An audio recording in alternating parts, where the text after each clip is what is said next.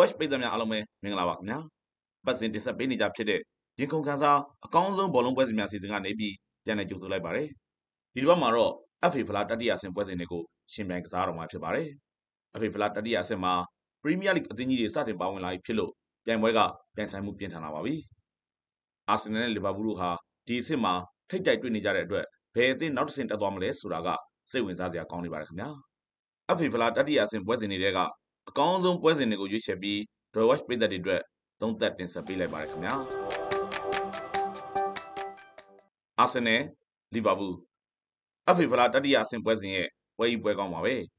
အာဆင်နယ်ကကစားသမား3ယောက်ကိုအာရှဖလားနဲ့အာဖရိကဖလားပြိုင်ပွဲတွေစီပါဝင်ကစားပေးဖို့သက်ဆိုင်ရာနိုင်ငံတွေစီစေလွှတ်ပေးထားရမယ်အဲ့နေရာတွေကိုအစားထိုးဝင်ရောက်နိုင်မဲ့ကစားသမားအင်အားစုကအသင်းစီမှာရှိနေပါတယ်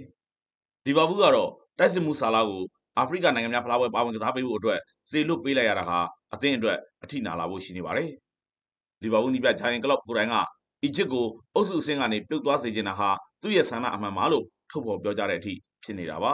။ဝင်းလေလူဇိုဘော့စလိုင်းကလည်းဒဏ်ရာပြဿနာကြောင့်ဒီပွဲကိုလွှဲချော်ဖို့ဖြစ်နေလို့လီဗာပူးအတွက်အခက်တွေ့ရမှာပါ။အာဆင်နယ်ကဒီပွဲစဉ်ကို No More Red လှုပ်ရှားမှုလို့ခေါ်တဲ့ဓာတ်ထုတ်ပြစ်မှုပပျောက်ရေးကမ်ပိန်းပူးပေါင်းပါဝင်တဲ့အနေနဲ့အန်ဒီယောင်ဂျာစီကိုမဝတ်ဆင်ပဲ အဖြူရောင်ဝတ်စုံကိုပဲဝတ်ဆင်ပြီးကစားသွားမှာပါ။ဆာလာနဲ့ဇိုဘော့စလိုင်းတို့ပါဝင်တဲ့လီဗာပူးဟာတိုက်စစ်လုံအောင်လုံးကျဆင်းနေပါလိမ့်မယ်။နောက်တစ်ကြော့ပြန်ကန်ပွဲဆိုတာမျိုးကိုအာဆင်နယ်မကစားချင်တော့ပါဘူး။အင်ကွင်းမှာအာဆင်နယ်ကအင်ပြည့်အပြည့်နဲ့ဝက်ထွက်လာပါလိမ့်မယ်။အကျိတ်နဲ့ကစားပြီးအာဆင်နယ်ကတ်နိုင်သွားလိမ့်မယ်လို့ယူဆမိပါတယ်ခင်ဗျာ။ဝီကန်မန်ယူဝီကန်နဲ့မန်ယူတို့ရဲ့ထိတ်တဲ့တွေ့ဆုံမှုကထူးခြားလာပါတယ်။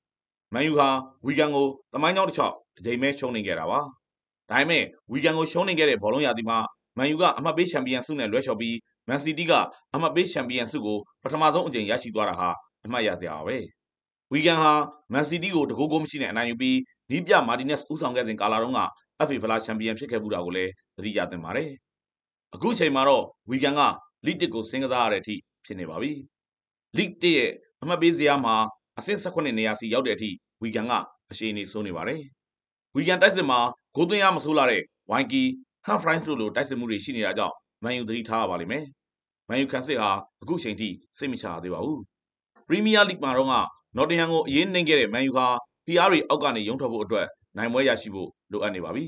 ။မန်ယူနီးပြအီရစ်တန်ဟန်ဟာအဓိကကစားသမားအစုံလင်ကိုပွဲထုတ်ပြီးတော့ပဲဒီပွဲကိုကစားပါလိမ့်မယ်။ဝီကန်ခန်းစစ်နဲ့မန်ယူတိုက်စစ် အားပြိုင်တဲ့ပွဲစဉ်မျိုးဖြစ်လာမှာပါ။ဒါပြီးရင်ပရီးမီးယားလိဂ်မှာမန်ယူကပွဲချက်တွေဆက်ကစားရဖို့ရှိနေတဲ့အတွက်အနိုင်ရလဒ်ကကျင်းမြောင်းနိုင်ပါတယ်။မန်ယူဟာနှစ်ဂိုးအကွာပြတ်သားမှုလောက်နဲ့ပဲအနိုင်ရရှိသွားပါလိမ့်မယ်ခင်ဗျာ။မန်စီးတီးဟာတာစပီမန်စီးတီးဟာအဓိကကစားသမားတချို့နဲ့အရန်ကစားသမားတွေကိုတွဲဖက်ပြီးပွဲထုတ်ပါလိမ့်မယ်။မန်စီးတီးရဲ့အားသာချက်ကအာရှဖလားပွဲနဲ့အာဖရိကဖလားပွဲတွေစီကိုကစားသမားစေလွတ်ပေးရမှုလုံးဝရှိမနေတာပါပဲ။ ဟာဒါစပီကတော့ နောက်ဆုံးကစားထားတဲ့ ပွဲစဉ် ၅ ပွဲမှာ နိုင်ပွဲဆိုလို့ တပွဲတည်းပဲ ရှာဖွေရရှိထားပါတယ်။ဟာဒါစပီက ချန်ပီယံရှစ် အမှတ်ပေးစရာရဲ့ အဆင့်21နေရာစီရောက်နေသလို ကစားကလည်း အားရစရာ မကောင်းလာပါဘူး။မန်စီးတီးပဲ ဂိုးပြတ်နိုင်သွားပါလိမ့်မယ်ခင်ဗျာ။ဝါဆမ်ဘရစ်စတိုစီးတီး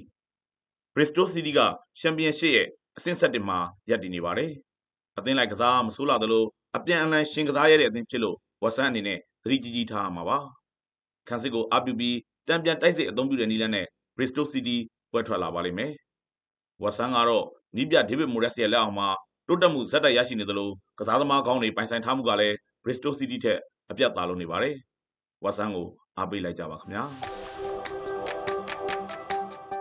အခုဆိုရင်ဒီတစ်ပတ်မှာရှင်မြန်ကစားမယ် FA ဖလားတတိယအဆင့်ပွဲစဉ်တွေကအသင်းကြီးတွေရဲ့ပွဲစဉ်တွေကိုရွေးချယ်ပြီး Royal Watch ပြည်သက်တွေအတွက် ရင်ကုန်ခံစားအကောင်းဆုံးဘောလုံးပွဲစဉ်များအဖြစ်သုံးသပ်တင်ဆက်ပေးခဲ့ပြီးဖြစ်ပါတယ်။ Royal Watch ပြည်သက်တွေအားလုံးကံကောင်းမှုတွေနဲ့ဆုံစည်းနိုင်ပါစေလို့လည်းဒီနေရာကနေဆုမွန်ကောင်းတောင်းပေးလိုက်ပါတယ်ခင်ဗျာ